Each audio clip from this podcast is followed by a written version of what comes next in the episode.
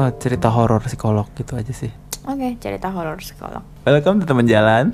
Buat temenin kalian di jalan. Kalian pernah nggak sih mikir uh, seorang psikolog itu kalau misalnya ada orang yang cerita ke dia, dia tuh sebenarnya ngejudge apa dalam kepalanya dia. Nih banyak cerita-cerita dari para psikolog. Terapis Reddit, apa momen terbesarmu tentang Aku tahu kalau aku nggak seharusnya menghakimi kamu, tapi Aku kayaknya dilema sama itu setiap hari deh. Susah nggak ngejudge orang itu. Aku pernah ngasih penyuluhan ke anak perempuan umurnya 13 tahun buat hal tentang anxiety dan dia juga ngelaporin pelecehan seksual yang dilakukan oleh ayah tirinya. Aku nelpon ibunya dan ngasih tahu kalau aku perlu telepon layanan perlindungan anak, child child itu ya. Hmm. Ternyata lembaga tersebut udah tahu dan pelecehan tersebut pertama kali dilaporin waktu pasien berusia 7 tahun. Ibunya udah tahu tentang tindak pelecehan itu dan tetap tinggal bareng sama suaminya. What? What the Itu fuck? adalah situasi yang benar-benar complicated banget, aku kira, tapi ternyata enggak. Gimana bisa ibunya tuh nggak ngelakuin hal lain buat ngelindungin anaknya? Sorry miss, I judge you. Astaga. Kemungkinan besar sih ibunya nggak mau kerja kayaknya sih. Banyak cewek-cewek yang hmm, sengaja bertahan sama cowok separah apa pun kondisi dengan alasan ya kalau nggak sama cowok ini siapa yang ngasih makan anakku kayak Itu komen atau kamu? Kamu kalau momen-momen kamu ngomong kayak hmm nggak boleh ngejar sih. Itu Hmm. bukannya kamu sering banget ya? seringan aku bilang sama kamu kan tapi dari awal kan aku ngomong kan hmm aku tahu sih aku harusnya nggak ngajak Iya. kayak gitu Iya, kan Sering banget. Aku juga sering. Kayak ya nggak boleh ya apa boleh diomongin ya ya boleh kan ini kan ceritanya kita ngejudge tapi aslinya kita nggak omongin kita sadar kita nggak- salah kita sadar bahwa itu adalah judgement jadinya Hmm. kita nggak ngomong secara out loud tapi antara kita berdua doang kayak gitu kan Hmm. apa yang kamu terakhir kamu ngerasa kayak gitu atau yang kamu ingat kayak gitu ya kayak barusan yang barusan sebelum podcast sebelum ini ya kayak orang-orang kayak aku nggak mau punya anak gitu hmm. nggak mau punya anak lagi misalnya Hmm. tapi dia tuh nggak mau pakai KB nggak mau pakai A B C kayak gitu gitulah terus aku langsung mikirnya kayak nggak mau apa nggak mau kayak gitu kan. Jadi kalau aku itu nggak diem-diem sih itu aku bener-bener aku pernah aku upload di story kan. Iya. Dan kamu juga ngerasa aduh kamu terlalu jahat deh itu kan orang terdekat kita banget yang kayak Iya, gitu jadi kayak dia pasti tahu deh dia pasti ngerasa deh kalau itu tuh Iya. dia kayak gitu yang kamu omongin. Mana aku ngomongnya kan juga nggak halus sama sekali kan. Aku kayak bilang ya nggak mau ini tapi nggak pakai itu terusnya namanya doyan bukan nggak mau kayak gitu kan An- itu antara emang bego nggak ngerti atau emang apa ya aku nyebutnya waktu itu jahat banget sih pokoknya. Dan itu aku benar-benar nggak bisa nahan. Karena apa?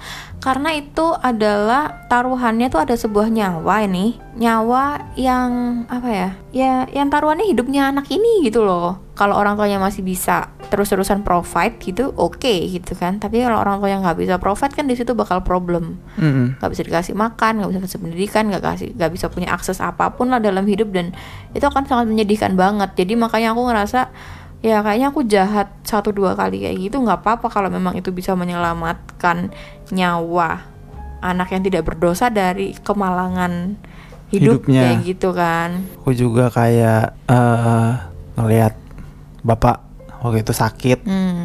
kan udah dikasih tahu dokter nggak boleh makan A nggak boleh makan B nggak boleh makan C Hmm. kayak gitu kan tapi tetap dimakan Hmm. terus aku tanya pengen sehat apa enggak? Katanya pengen so pengen apa enggak? Kayak gitu. Ya tapi akhirnya jujur sih kalau ternyata ya nggak pengen pengen amat yang pengen pengen makan ya dibandingin pengen sehat. Ya udah deh aku akhirnya ya kayak oh gitu. Ya udah deh nggak apa-apa gitu kan. Hmm. ya aslinya kejadian-kejadian kayak gini tuh luar biasa sering kayak Hmm. kayak agak susah gitu loh untuk aku nggak kayak gitu. Kalau kamu tuh sendirian keluar sampai jam 12 malam Hmm. kayak gitu juga terus ada kejadian yang terjadi pada kamu Hmm. aku pengen emang aku pengen banget kota ini jadi kota teraman di dunia Mm-mm, yang kayak ada di dunia mimpi nggak gitu ada kan, semua semua Wonderland. orang nggak ada yang miskin jadi nggak ada yang kriminal misalnya Mm-mm, semua, orang, punya akses ke alat seksual jadi nggak ada yang perlu me- melampiaskannya ke cewek yang tidak Iya. berdosa gitu Semua orang punya Hmm. Punya apa lagi ya?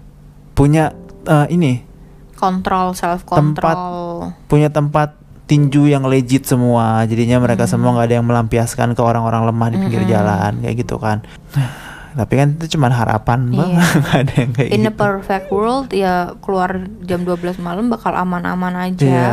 dan in not a perfect world keluar di jam 12 malam terus kamu diapa-apain ya emang tetap salahnya sih yang ngelakuin ke Iya, tetap kamu banget. gitu loh. Yang di penjara siapa? Kamu? Enggak yang ngelakuin. Enggak ya yang ngelakuin cuman gitu kan. Kayak ya ini dunia yang sangat tidak perfect gitu kan. Hmm. jadinya kamu bertanggung jawab sangat besar sama dirimu sendiri untuk keselamatanmu itu. Jadi kayak minimalisir lah untuk kayak gitu. Kalau nggak penting-penting amat nggak usah Hmm. kayak gitu kan. Makanya ya kit- makanya nih kita masuk ke judgement yang apa ya yang haram kan ceritanya gitu kan. yang judgement yang haram itu kayak ya kayak gitu nyalain orang yang keluar malam-malam kayak gitu kan. Ya kita nggak nyalain sih cuman kita ngejudge gitu karena ada iya. ya kamu berharapnya apa? Keluar jam 12 malam lagi mabok juga di pinggir jalan. Ya what do you expect gitu?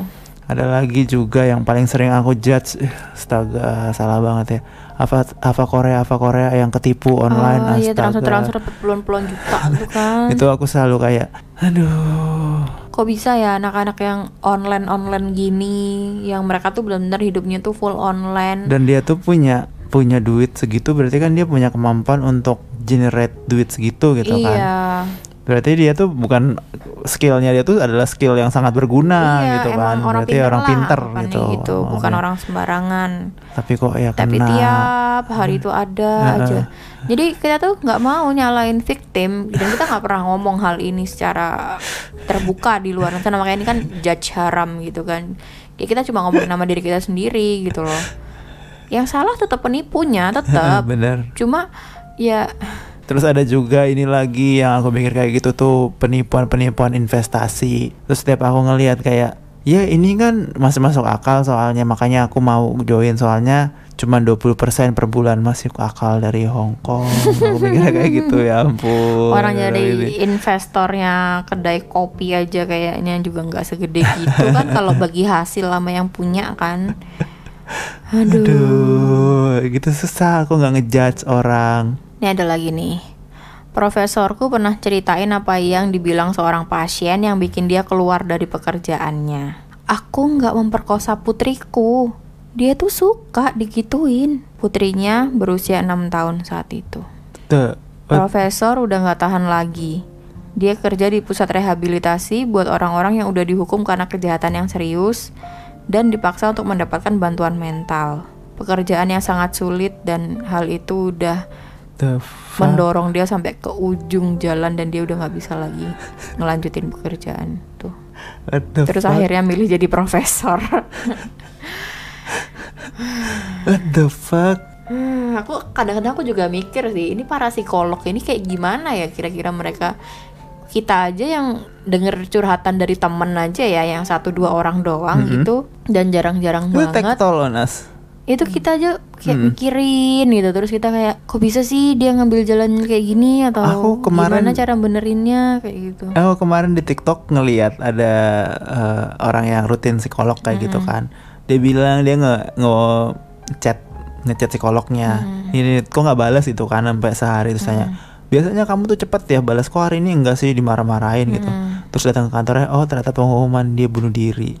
Kayak, itu sangat tidak jarang loh kejadian kayak gitu aku beberapa kali lihat berita psikolog bunuh diri di luar negeri sih ya kalau di sini nggak tahu itu sering Jadi karena ngerasa kayak, kalau kalau kamu dia nerima sharing beban dari banyak orang ya masuk akal nggak sih untuk dia ngerasa berat banget bebannya? Makanya itu Kalau kamu nggak di sana psikopat. kan psikolog juga mahal banget kan Iya, kalau si- kalau kamu bukan psikopat, mana bisa sih kayak gitu? sosiopath sih sebenarnya Ya, jadi kayak nggak nggak peduli orang lain tuh mikir kayak gimana gitu. Iya, ya ngelakuin Tapi kalau kamu manusia normal kamu pasti kepikiran Hmm, kan. kepikiran. Makanya ini psikolog nih emang harusnya mahal banget gak sih supaya Iya. nggak terlalu banyak yang Aku suka dengerin orang curhat, ya bayangin 100 gitu.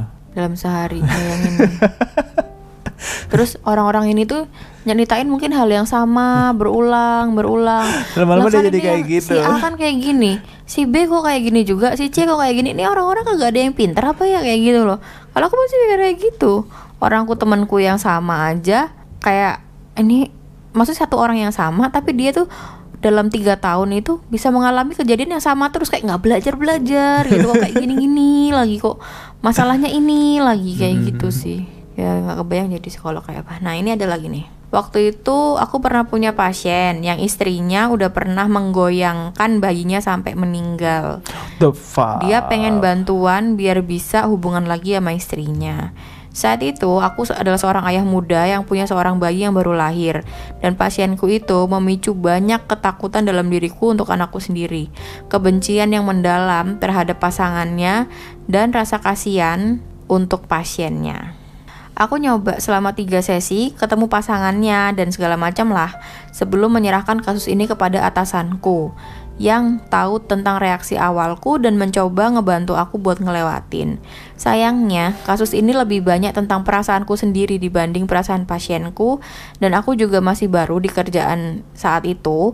Hal-hal ini diharapkan ya hal-hal ini ya bakal muncul dari waktu ke waktu, tapi aku masih sangat terkejut sama reaksiku sendiri. Karena dia relate kan, karena dia baru punya bayi gitu loh. Sedangkan kok bisa-bisanya nih pasiennya dia sampai ngebunuh bayinya sendiri gitu loh. Eh, serem, serem banget sumpah. Makanya ini kita orang luar aja kita serem liatnya. Mm-mm. Nah, ini ada lagi. Eh, merinding dengernya. Ada ada, tapi aku pernah baca. Jadi itu kayak bayinya tuh dilempar ke atas gitu loh. Ha kayak gitu dilempar, tangkap, Hmm. lempar, tangkap. Sedangkan bayinya itu masih belum bisa duduk. Jadi kayak baru berusia 4 5 bulan gitulah. Hmm. Jadi otaknya tuh belum ini. Nah, jadinya saraf yang ada di belakang otak Putus. putus gitu. Terus lumpuh. Nggak lu mau langsung mati. Buat apa kamu ceritain kayak gitu? Makanya aku tuh kalau ngeliat kamu megang bayi itu aku kayak hati-hati jangan ditarik tangannya, jangan di ini, jangan ini kan. Kamu kan suka kayak sembarang gitu kan tarik aja. Kata orang yang ngebanting kucing. Oke. Dan kucing doang. Enggak, kucing kan nyawanya ada sembilan. Maksudnya dia kan Waktu, sangat waktu jatuh tuh tua gawat mana sangat panat eh. enggak dia tuh sangat elastis gitu loh. Lagian aku bantingnya kan enggak yang benar-benar ceblok gitu, enggak, tapi aku kayak ngasih dia buat terbang. Kata semua orang yang ngebanting. Ini ada lagi nih. Ibuku pernah bawa aku ke terapi untuk nyoba dan nyembuhin hubungan kami. Ya ini hal yang baik kan buat dilakuin. Tapi waktu kami sampai di sana, yang dilakukan ibuku tuh cuma ngomongin hal-hal buruk yang pernah aku lakukan dan gak pernah mencoba buat introspeksi. Setelah beberapa saat ngomel, terapis itu bener-bener mihak ke aku. Jelas banget kelihatan kalau dia tuh punya masalah yang seharusnya nggak dipermasalahkan, ibunya itu maksudnya. Setelah terapisnya mihak ke aku, ibuku memanggil dia bego dan kami nggak pernah lagi datang ke sana. Bahkan seorang profesional pun udah nggak bisa ngebantu hubungan kami. ya udahlah, ada ada emang hubungan-hubungan yang lebih baik nggak ada kayak Tapi gitu aku kan. tahu beberapa orang yang kayak gitu. Jadi kalau di sini mungkin bawanya bukan terapis ya, tapi ustadz misalnya. Mm-mm. Jadi kayak si ibu itu punya sebuah keinginan apa, Mm-mm. anak-anaknya pada nolak. Mm. Terus ibu ini bawa backingan nih, bawa ustadz gitu. Mm. Bawa ustadz nih, kata ustadz tuh bener kok keinginan ibu kayak gitu. Mm. Terus anak-anak ini mikir lah, kok ustadznya aneh banget itu kan kayak nggak sesuai sama kaidah Syariat agama, agama, gitu. ah, nggak. Nah terus akhirnya anak-anaknya bawa ustadz lain ya gitu Terus ibunya ngerasa kayak Ih ustadz yang itu tuh nggak bener Yang bener tuh ustadznya ibu Padahal tuh ustadznya ibu tuh juga me- Makanya Mendukung kan gara-gara dibayar sama si ibu Sertifikasi ustadz. Sekarang semua orang bisa jadi ustadz. Bukan itu poinnya Poinnya adalah Sebenarnya kan si ibunya orang ini tuh bawa dia ke psikolog kan Supaya memperbaiki hubungan mereka tuh dalam artian supaya psikolognya itu kasih tahu ke anak supaya ini kamu tuh harus ibunya." nurut sama ibumu. Padahal ternyata bagi psikolog ini ibunya yang terlalu neken. Padahal ini udah certified loh orang ini. Berarti kan harusnya Nah berarti kan punya ustadz yang sertifikat juga nggak guna. Hmm. Kalau emang kepribadian orang ini kayak gini, Iya. Ya percuma bawa yang seprofesional apa pun nggak bisa. Nah ini komentar terakhir. apa-apa. Aku pernah kerja, aku pernah kerja dengan anak-anak yang pernah mengalami semacam pelecehan atau trauma. 90% klienku pernah ngalamin pelecehan seksual. Aku banyak mengalami momen- momen-momen yang kayak uh, Tapi bukan dari penilaian ke klienku ya, tapi apa yang terjadi ke klienku. Aku pernah punya klien yang ayahnya tuh nyuruh mereka buat ngebantu motong-motong tubuh ibunya What the Stop setelah ayah membunuh ibunya di depan mereka. Terus aku pernah punya klien yang usianya di bawah 8 tahun yang udah pernah dijual untuk kebutuhan seksual. Aku juga pernah punya klien yang dipaksa buat bikin film porno penyiksaan.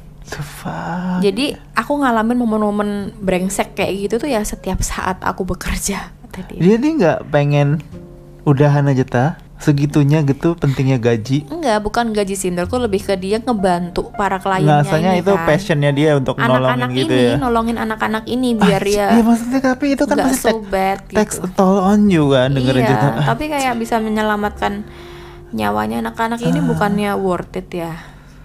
Mungkin sih kalau kamu ngeliat ada satu aja yang berhasil kayak Iya, gitu kan Yang soalnya- selamat dari kayak gitu Itu pasti ngerasa kepuasan yang luar biasa banget kan Orang yang kamunya. kayak dia ini tuh sebenarnya jarang juga loh. Terapis itu banyak juga yang nggak bener.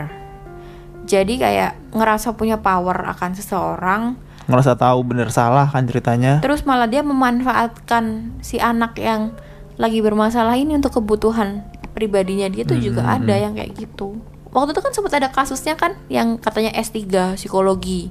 Tapi Iya. bukan psikolog, tapi S3 psikologi gitu. Yang main-main asal hipnotis-hipnotis itu kan Terus dia bawa cewek ke hotel kamar, terus dia papain, terus bilangnya nggak apa-apa, ini tuh buat terapi untuk healing inner child lah atau healing trauma atau apa. Mm-mm. Jadi untuk melewati trauma kamu harus berani untuk melawan trauma itu semacam kayak gitulah. Pokoknya ya manipulasi gitu loh. Terus gimana Banyak sih orang kayak kasus gitu. itu ujung-ujungnya Makanya perlu ada orang-orang yang dengan rela, Rela mau di ya situ mau dan itu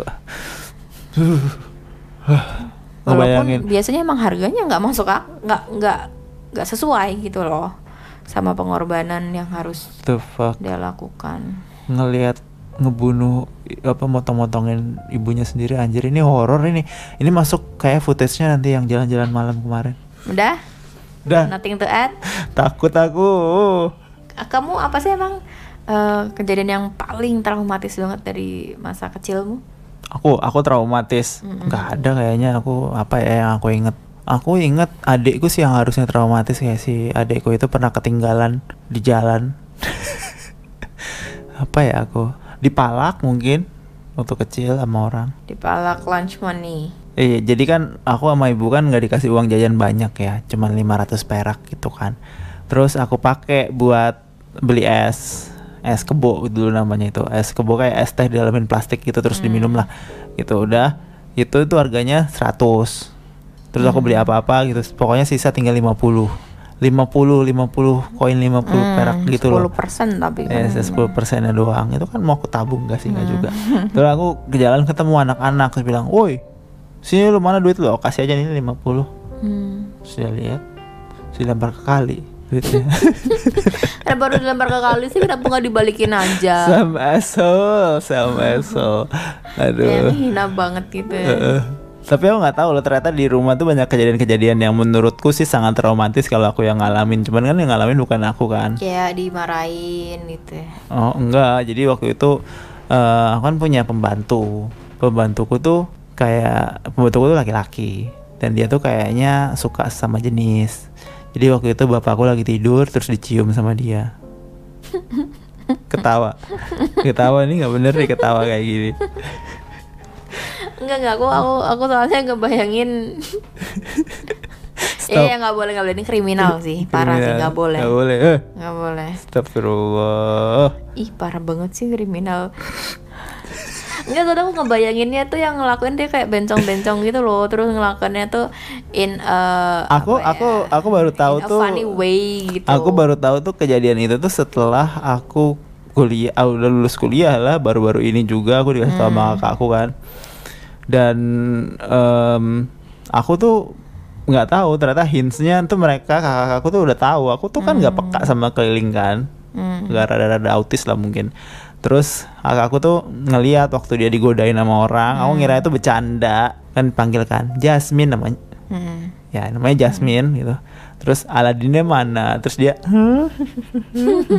kayak gitu gitu kan ketawa-ketawa sambil malu-malu Hmm. gitu aku awalnya ngira apaan sih nggak aneh banget kayak gitu Hmm. kan nah aku tangkep kalau Dia tuh emang rada-rada kayak gitu oh gitu. iya Tapi setraumatis traumatisnya itu pun sebenarnya kan nggak terjadi ke kalian sendiri Nggak, kan, nggak tapi ke orang apa-apa. lain. Ah. Selain Dan mungkin itu juga itu kan sebenarnya tidak harming in any Nggak, way nggak sama kan sekali.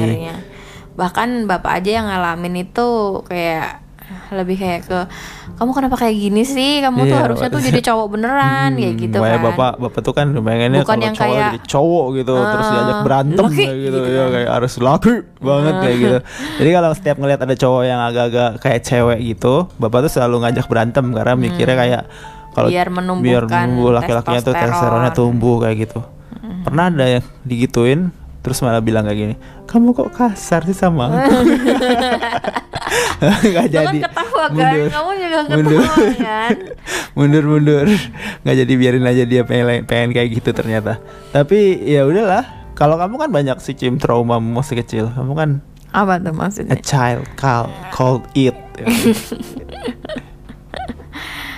Aku sebenarnya kalau milih salah satu trauma yang traumatis itu sebenarnya agak sulit ya. Karena semua kayak kerasa biasa aja sebenarnya. Ya, ya Hmm. normal-normal aja gitu. Karena baseline normalku kan pasti beda sama kamu kan. beda kan kamu tonjokin normal dicelup-celup aja, air jadi normal Tiap hari ya kayak gitu. tapi yang paling serem yang mana sih Jim dibakar itu ta Sebenarnya tuh nggak dibakar. Jadi itu eh, baju olahraga. baju olahraga iya aku tahu baju olahragamu itu serem kan tapi nggak nggak dibakar jadi ya nggak serem sebenarnya disiram air ya? tanah disiram air tanah. Minyak tanah minyak tanah. Iya minyak. Ah, air tanah. mah cuman air Nyuci, biasa ya buat nyuci aja ya. Ya disiram minyak tanah terus udah pegang korek udah mau dibakar gitu di depan mukaku gitu. Gara-gara kenapa sih? Kalau nggak salah sih masalah bayar sekolah eh, telat telat masuk sekolah kayak gitu kayak maksudnya ya aku tuh daripada kamu masuk sekolah telat yang mendingan nggak usah sekolah sekalian kayak gitu. Padahal maksudku kan ya kalau mau masuk sekolah telat itu ya berarti besok harus bangun lebih pagi kayak gitu kan. Kayaknya ada masalah deh sama time management di kalian semua banget ini. sih kalau itu banget. Makanya ketika aku udah keluar dari rumah kan aku seneng karena aku bisa independen atas time managementku sendiri kan Ah. kayak kita mau ke bandara aja kita harus dua jam sebelumnya udah sampai di bandara bukan bukan baru berangkat dari rumah kan dua Hmm, Bukan. jam itu harus udah sampai Dan itu gitu. tuh kita jujur ngelakuinnya bukan kayak kamu bilang, kamu aku bilangin kayak pesawatnya jam 7 padahal Hmm. jam 9. Enggak, kita jujur pesawatnya jam 9. Hmm. Oke, kita berangkat jam 5. Kayak gitu kan kita. Mm. Karena kita nggak tahu apa yang bakal terjadi selama 4 jam ke depan. iya benar Itu sih yang kita pikirin juga cuman emang agak-agak aneh. oh aku yang paling trauma aku ingat apa? Apa? yang paling trauma waktu itu aku lagi di rumah. Terus mama tiba-tiba teriak dari kamar mandi. Hmm? manggil manggil manggil aku kan. Terus aku langsung lari kan ke ke dalam ke belakang. Mhm. karena kamar mandi kan yang di belakang rumah. Itu aku umur 8 7 tahun semacam itu. SD awal-awal pokoknya. Dia panggil-panggil terus aku kenapa mah kenapa? Gitu mama keguguran gitu. Terus aku lihat di lantai tuh ada kayak daging bercak gitu kan darah gitu. Terus kayak panggil ayah panggil ayah. Terus aku kayak aku harus gimana aku harus gimana? Kayak gitu. Aku langsung keluar rumah lari langsung ke kantornya ayah. Dan itu kan jaraknya kurang lebih 1-2 kiloan gitu kan. Punya aku ayah mana ayah mana? Terus udah udah kayak mau nangis gitu. Nah saking bingungnya apa yang sedang terjadi Kenapa mamaku sakit atau gimana Ada apa kayak gitu loh Padahal tuh aku udah senang banget kan bakal punya adik gitu. Terus ayah langsung tahu Langsung kita pulang bareng. Terus ya langsung The fuck? Itu lumayan traumatis sih. Mm, Mana aku tuh inget ada orang yang jualan obat itu ada foto-fotonya. Itu kayaknya Alien-alien paling, gitu kan. paling traumatis dalam hidupku itu Aku ngeliat review kayak gitu Astagfirullah Itu stop. ada di HP mana ya? Stop. Ini beneran Sumpah. manjur Langsung keluar ya Di foto anjir kayak alien gitu. Astagfirullahaladzim. Udah ya? Ya I think that's all for today. Bye bye Bye bye